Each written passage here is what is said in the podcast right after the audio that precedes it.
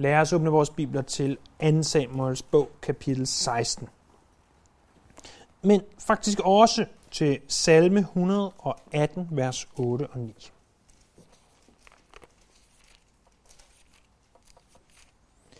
I det, at 2 Samuel er vores tekst, men at vi vil drage en øh, vigtig, eller vores pointe fra salme 118, vers 8 og 9.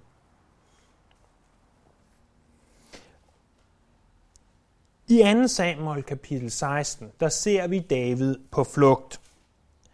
Det var sådan, at Absalom, hans søn, havde været i eksil, var kommet tilbage til Jerusalem, og nu var begyndt at forsøge på at tage magten. Det var lykkedes for Absalom, og øh, Absalom var på vej fra Hebron imod Jerusalem, og David vidste, at hvis jeg ikke flygter, så vil min familie og muligvis jeg selv blive slået ihjel.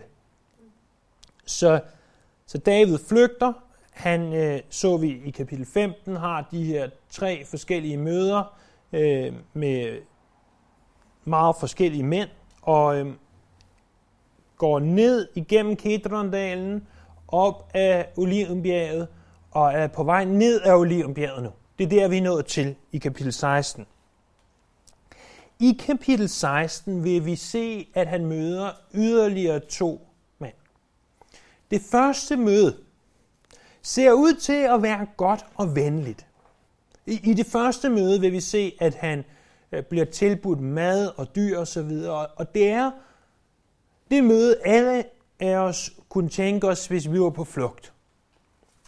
Øh, det ser ud til at være et, øh, et møde, som har en succes. Det, det er et succesfuldt møde, kunne vi sige. Det andet møde er et møde, ingen af os kunne tænke os. Øh, det er der, hvor at der kommer en, der øh, råber og øh, skriger ting efter David, kaster sten og jord efter ham. Det er øh, set med vores øjne, at det møde var helt klart en fiasko. Men det, som er så interessant, venner, det er, at vores konklusion vil ende med at være det totalt modsatte af, hvad jeg lige har konkluderet at det første møde ikke er nogen speciel succes, men at det første møde snarere er en fiasko, til trods for alt det, han får. Og det andet møde, derimod, selvom det virker som en fiasko, ender det møde med at være en succes. Vi kunne opsummere beretningen i ordene fra salme 118, vers 8 og 9. Det er bedre at søge tilflugt hos Herren, end at stole på mennesker. Det er bedre at søge tilflugt hos Herren, end at stole på stormænd.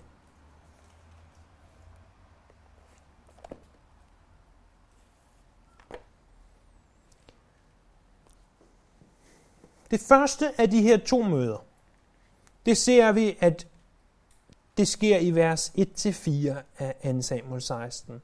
Da David var kommet et stykke vej på den anden side af bjergtoppen, kom med tjener Siba ham i møde. Med sig havde han et par opsadlede æsler.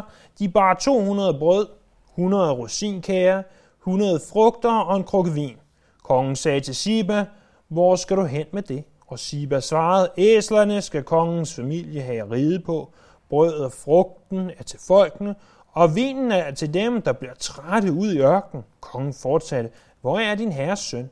Og Siba svarede, han blev i Jerusalem.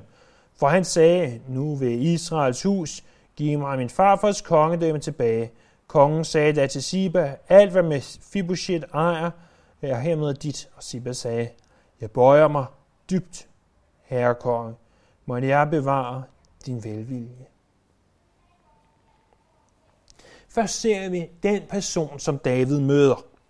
Øh, de var kommet på den anden side af bjergtoppen. Det er altså Olivenbjerget, som øh, efter danske standarder helt sikkert er et bjerg, men efter, øh, lad os sige, norske eller østriske standarder øh, næppe vil blive betegnet som et bjerg, men snarere et bakkedrag. Men de kommer op på den anden side af Olivenbjerget, her møder de den her mand Siba. Vi har allerede mødt Siba en gang tilbage i kapitel 9.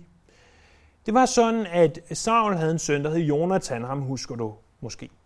Jonathan havde igen en søn, der hed Mephibosheth. Og i det tidspunkt, hvor at Saul Israels første og tidligere konge, sammen med Jonathan var i krig i de sidste par kapitler af 1. Samuels bog, øh, der sker der det, at en tager Mephibosheth øh, og flygter med ham og taber ham på jorden, øh, så han bliver lam. Der var han fem år på det tidspunkt. Øhm. David i kapitel 9 siger så, er der ikke en af Sauls hus, jeg kan vise godhed? Og Siba her var i tjeneste hos David på det tidspunkt. Han havde tidligere været i tjeneste hos Saul, men var nu kommet i tjeneste hos David. Og Siba siger, jo, der er en tilbage fra Sauls hus, nemlig Jonathans søn, med Fibosheth. Og David giver så en del jord og så videre til Mephibosheth, men Mephibosheth værende lam, kan ikke selv tage sig af jorden, så det bliver Siba, altså Davids tjener, Sauls tidligere tjener, der kommer til at tage sig af den her jord. Det er den person, han er. Så han har igennem længere stykke tid taget sig af Mephibosheths jord, og var oprindeligt Sauls tjener, har nu været Davids tjener, og har altså i, i mange år forvaltet den her ejendom. Hvad er det manden, han kommer med? Jo, han kommer med alle de her forsyninger. Der står, at han bragte øh, nogle æsler i flertal, så der har minimum været to opsadlede æsler til Davids familie, formodentlig flere. Der har været 200 brød, som skulle gives til folket. Der har været 100 rosinkager, eller den engelske oversættelse har klaser, øh, uanset hvad, et eller andet sødt. Der står ikke, hvem de er til. Vi må, vi må antage, et eller andet sted må det være til folket. Øh, 100 stykker frugt, eller som der står på engelsk, sommerfrugt. Og så en krukke vin til de, der bliver trætte. Det er jo en, en masse gode ting at få, når man har været nødt til at flygte fra Jerusalem. Øh, jeg ved ikke, hvor meget David og hans folk har kunnet nå at tage med sig, men det virker til, at David har gået siden, øh, og hans familie har gået siden, at Siba kan tilbyde ham, æs, ham og hans familie æsler at ride på. Og jeg er sikker på, at alle de her forsyninger var, var undskyld mig, var yderst velkomne øh, i det, at de er på vej ud i Judæas ørken, hvor der absolut ingenting spiseligt er, øh, i hvert fald af særlig appetitlig art. Vi ved, at Johannes Døberen spiste øh, græshopper og vildhånding, så medmindre man havde lyst til at leve af det igennem længere tid, så øh, var det her i hvert fald nogle yderst øh, delikate, lækre ting, som de kunne få fat i. Men gode, friske forsyninger var ikke det eneste, Siba medbragte. Han medbragte også falske oplysninger. For David spørger Siba, hvad er der sket med Mephibosheth? Har du taget din herre med? Hvad, hvor er han henne? Det var sådan, at Mephibosheth, han kom aldrig til at bo på det her landområde, som David gav ham. Der står tilbage i kapitel 9, at Mephibosheth blev boende i Jerusalem. Og så siger Siba, at han er tilbage i Jerusalem, han venter på, at der kommer en ny konge, og så han kan få alt det her landområde og så videre tilbage, og han kan få endnu mere land, og han kan få sin farfars ære tilbage. Når David hører det, så tænker han, det er ikke i orden. Jeg har været god imod Mephibosheth. Det kan ikke være rigtigt er der ikke en, der gider hen? Giver du hen glas vand til mig? Tak. Jeg er helt. Øh, det, kan ikke, det kan ikke være rigtigt, at jeg har været god ved, ved ham, og så går han med den nye kong. Jeg vil, jeg vil simpelthen ikke finde mig i det, og, og han, har, han er nærmest død over for mig, og derfor så giver jeg landområdet videre til din tjener, Mephibosheth. Han siger det ikke til Mephibosheth, Mephibosheths tjener, Siba giver han det videre til. Det var ikke unormalt. Kan I huske tilbage i beretningen om Abraham? Abraham havde ikke nogen børn, og han sagde, Eliezer, du min tjener, det er dig, der kommer til at arve mig. Så det var ikke unormalt, at man lod tjeneren arve øh, herremanden, hvis der ikke var nogen arving. Men det, der er i den her historie, det er, at... Tusind tak.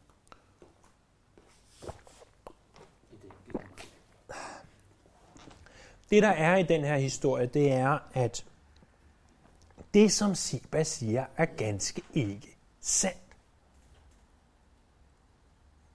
vi vil komme til at se i kapitel 19, at det var ikke det, der var med Fibuchets øh, tanker og, øh, og intentioner, men at det i virkeligheden var noget helt andet. Og det virker som om, at David har ladet sig forblænde af de gode gaver, som Siba er kommet med, og derfor har sagt, tak for gaverne, her har du alt med Fiboshets ejendom til gengæld. Og derved gør David nøjagtigt det, som Siba ønsker. Jeg spekulerer over, hvor ofte vi møder et flinkt, behageligt, velmenende menneske, og så spørger vi ikke Gud til råds, fordi vi stoler på mennesker, fordi vi stoler på stormænd, frem for at stole på Gud. Jeg siger ikke, at vi ikke skal stole på mennesker. Det, det bør være vores grundindstilling, at vi stoler på, hvad andre mennesker siger. Det bør ikke være det modsatte, at vi er mistroiske over for alle og alt. Men vi bør heller ikke lade os forblænde. Ordene fra salme 118, vers 8 og 9. Det er bedre at stole på Herren, end at stole på mennesker. De giver genlyd her i 2. Samuel 16. Må det her, de her fire vers, være en lektie til os alle om, altid at spørge Herren til råds. At selvom et møde ser godt ud, selvom jobtilbuddet er det helt rigtige, selvom, og du sætter selv det ind, som du ellers måtte tænke, at det her virker som det helt rigtige, så spørg altid Herren til råds.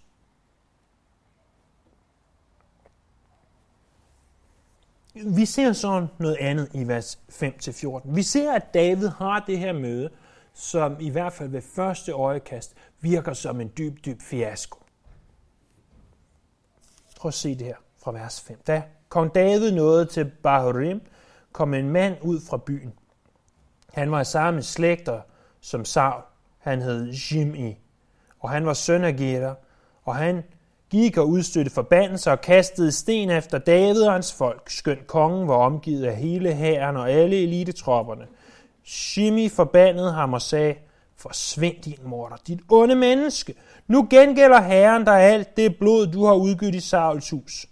Du gjorde dig til konge efter ham, men nu har herren givet dig givet riget i din søn Absalons hånd. Det har du for din ondskab, din morter. Da sagde Seruas søn Abishai til kongen, hvorfor skal den døde hund have lov til at forbande dig, herre konge? Lad mig gå over og hugge hovedet af ham. Men kongen svarede, pas jer selv, Seruas sønner. Når han forbander, er det fordi herren har sagt, at han skal forbande mig.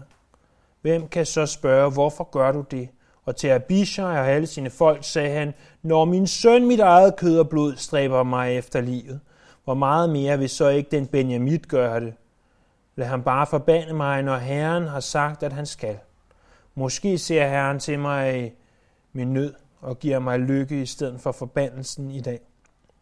David og hans mænd gik videre på vejen, mens Shimi fulgte oppe på bjergs, efter oppe på bjergsiden og blev ved med at forbande, kaste sten og smide jord efter ham. Og kongen og hele hans hær nåede trætte frem og hvilede ud der. Så David, han går videre, de kommer til Bahurim. Bahurim lå øh, også ved Olimbjerget. Det lå ja, en lille by på kanten til ørken, så det er ikke meget langt, de har gået. De møder den her mand, Shimi. Øh, han var Benjamit. Det er altså, han er samme stamme som Saul. Han er søn af Geder, om hvem vi ikke ved yderligere, så det vil kun være spekulation at sige mere om ham. Men til gengæld, så betyder Shimi noget i retning af den vigtige. Så han var altså en værre vigtig per ham her.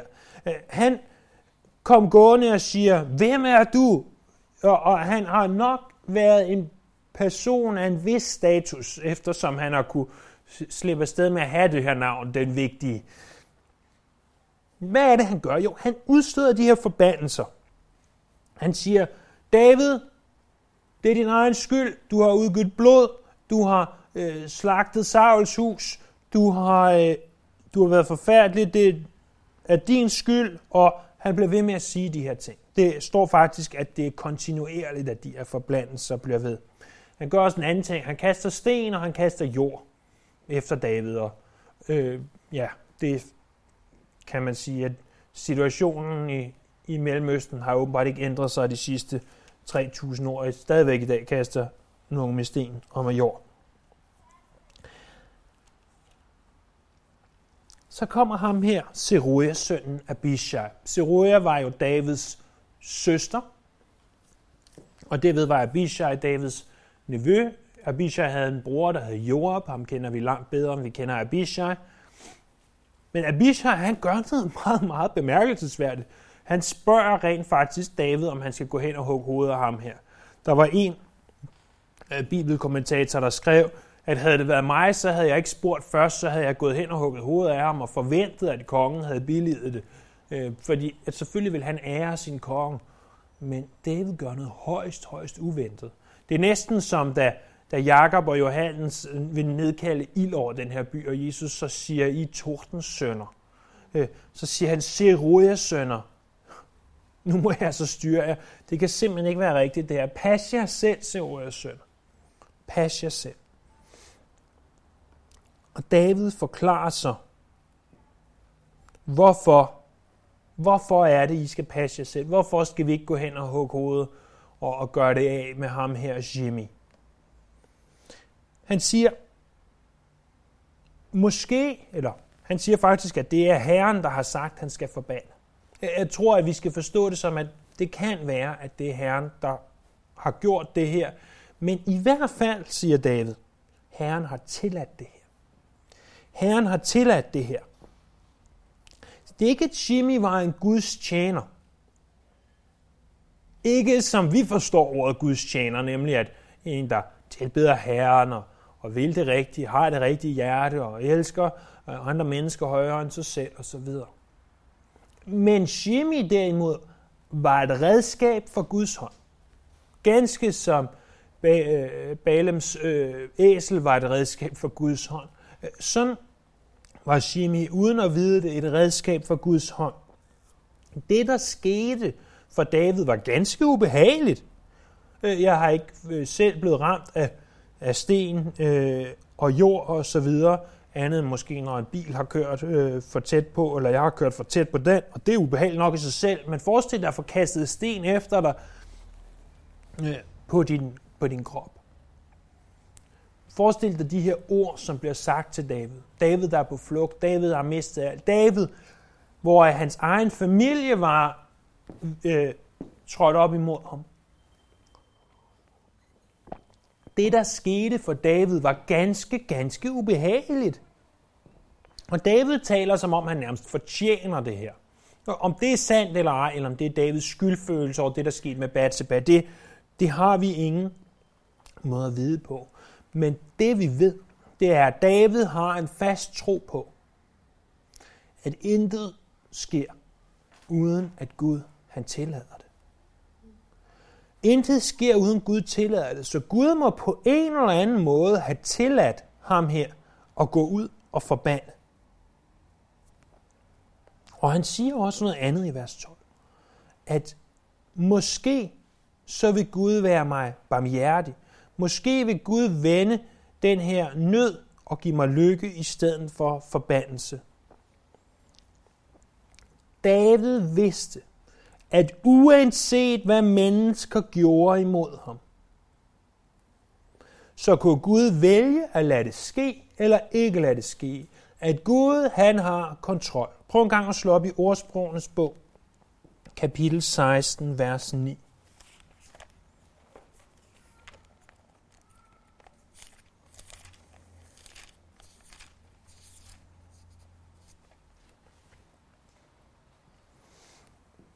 I ordsprogenes bog, kapitel 16, vers 9, står der om det her.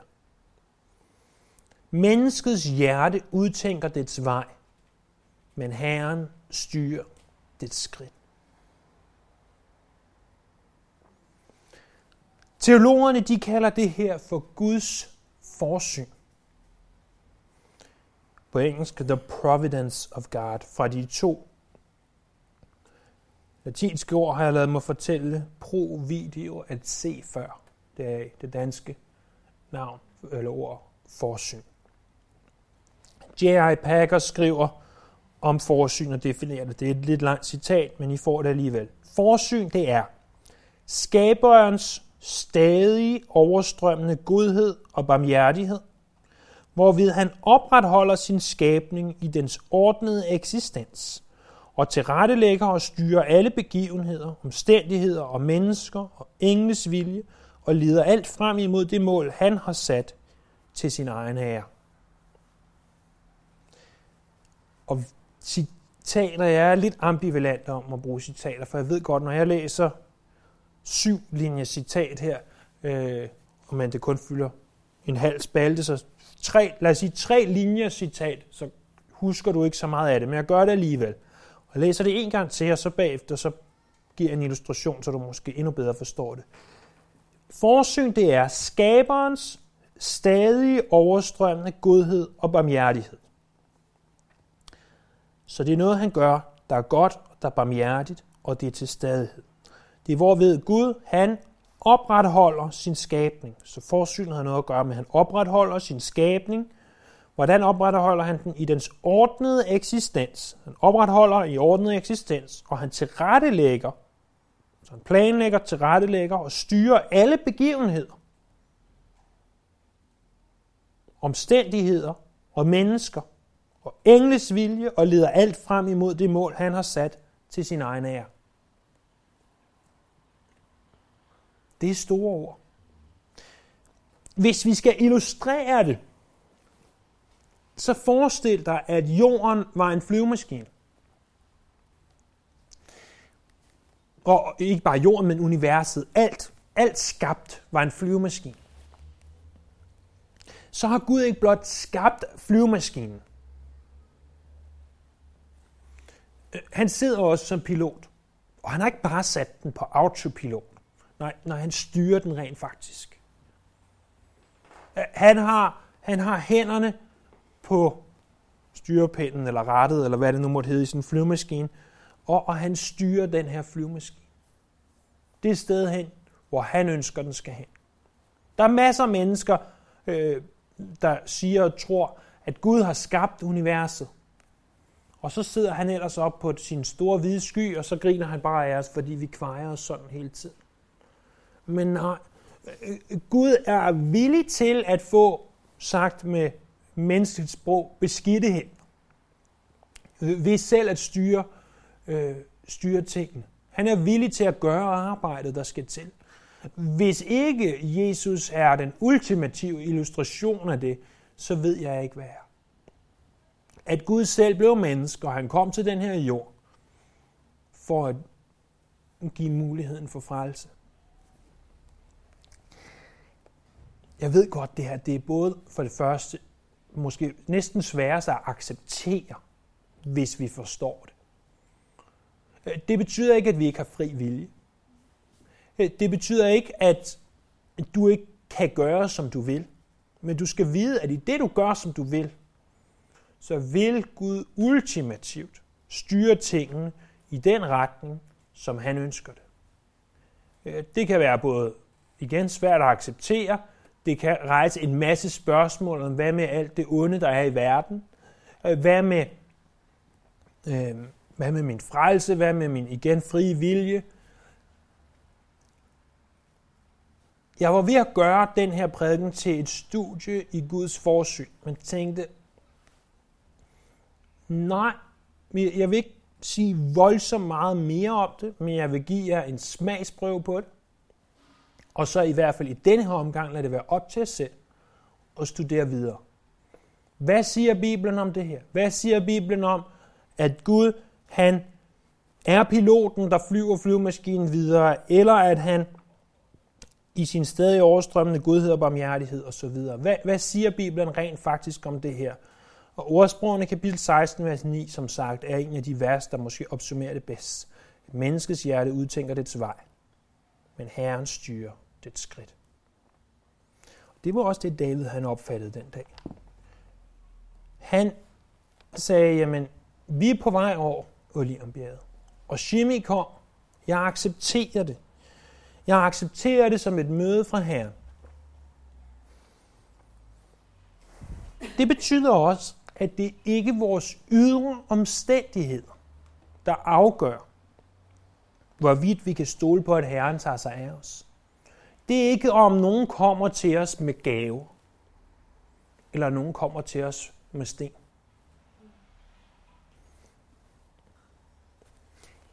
Det, som David gjorde i møde nummer to, det var, at han stolede på Gud.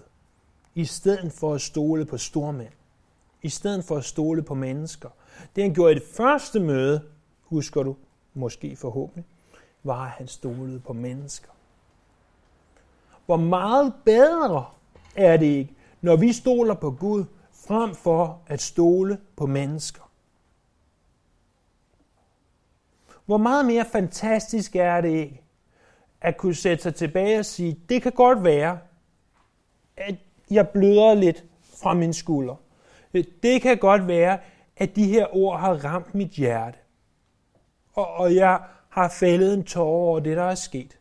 For øvrigt, det passede ikke, at David havde slagtet Sauls familie. Tværtimod, David nægtede, nægtede, nægtede at løfte sin hånd imod Guds udvalgte på det tidspunkt, Saul. Eller Guds salvede på det tidspunkt, nemlig Saul. Hvor meget bedre er det ikke i den situation at sige, jeg stolede på Herren. Også selvom det gør ondt. End at sige, tak, jeg giver, tager alle gaverne. Jeg tager alle gaverne her, du kan få, hvad du vil. Hvor han glemmer at spørge Herren til råds.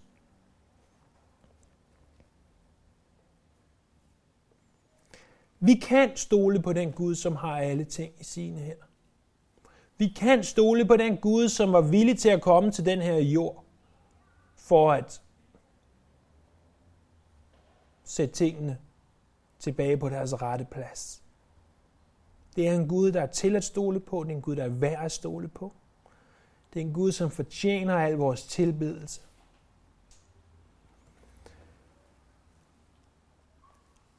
Og må vi til stadighed tilbede ham. Næste gang vi samles som anden Samuel, så vil vi fortsætte fra vers 15, i det de hører bedre sammen med kapitel 17. Så næste gang fra vers 15 og kapitel 16 ned til kapitel 17, vers 23 vil det være. Lad os bede sammen. Herre Jesus, vi, vi takker for den her lektion i at stole på dig frem for på mennesker. Hjælp os til at altid have dig for øje, altid spørge dig til råds. Altid vide, Gud, at du i dit forsyn har styr på tingene. Også selvom vi føler, at der ikke er styr på noget som helst. Må vi, som der står i ordsprogens bog, gøre hesten redde til krigens dag, men lad sejren være din sag. Må vi arbejde så hårdt vi kan, men vide, at du til syvende og sidst styrer slagets gang. Tak, at vi har planer, vi gør ting, men du styrer vores skridt. Må de her, den her beretning om David og hans to møder være en lektion for os alle. Må det være en påmindelse for os alle. Og må vi øh, bare vandre i de gerninger, du forberedt har for os. Vi ærer dig, tilbeder dig og priser dig. Dit navn. Amen.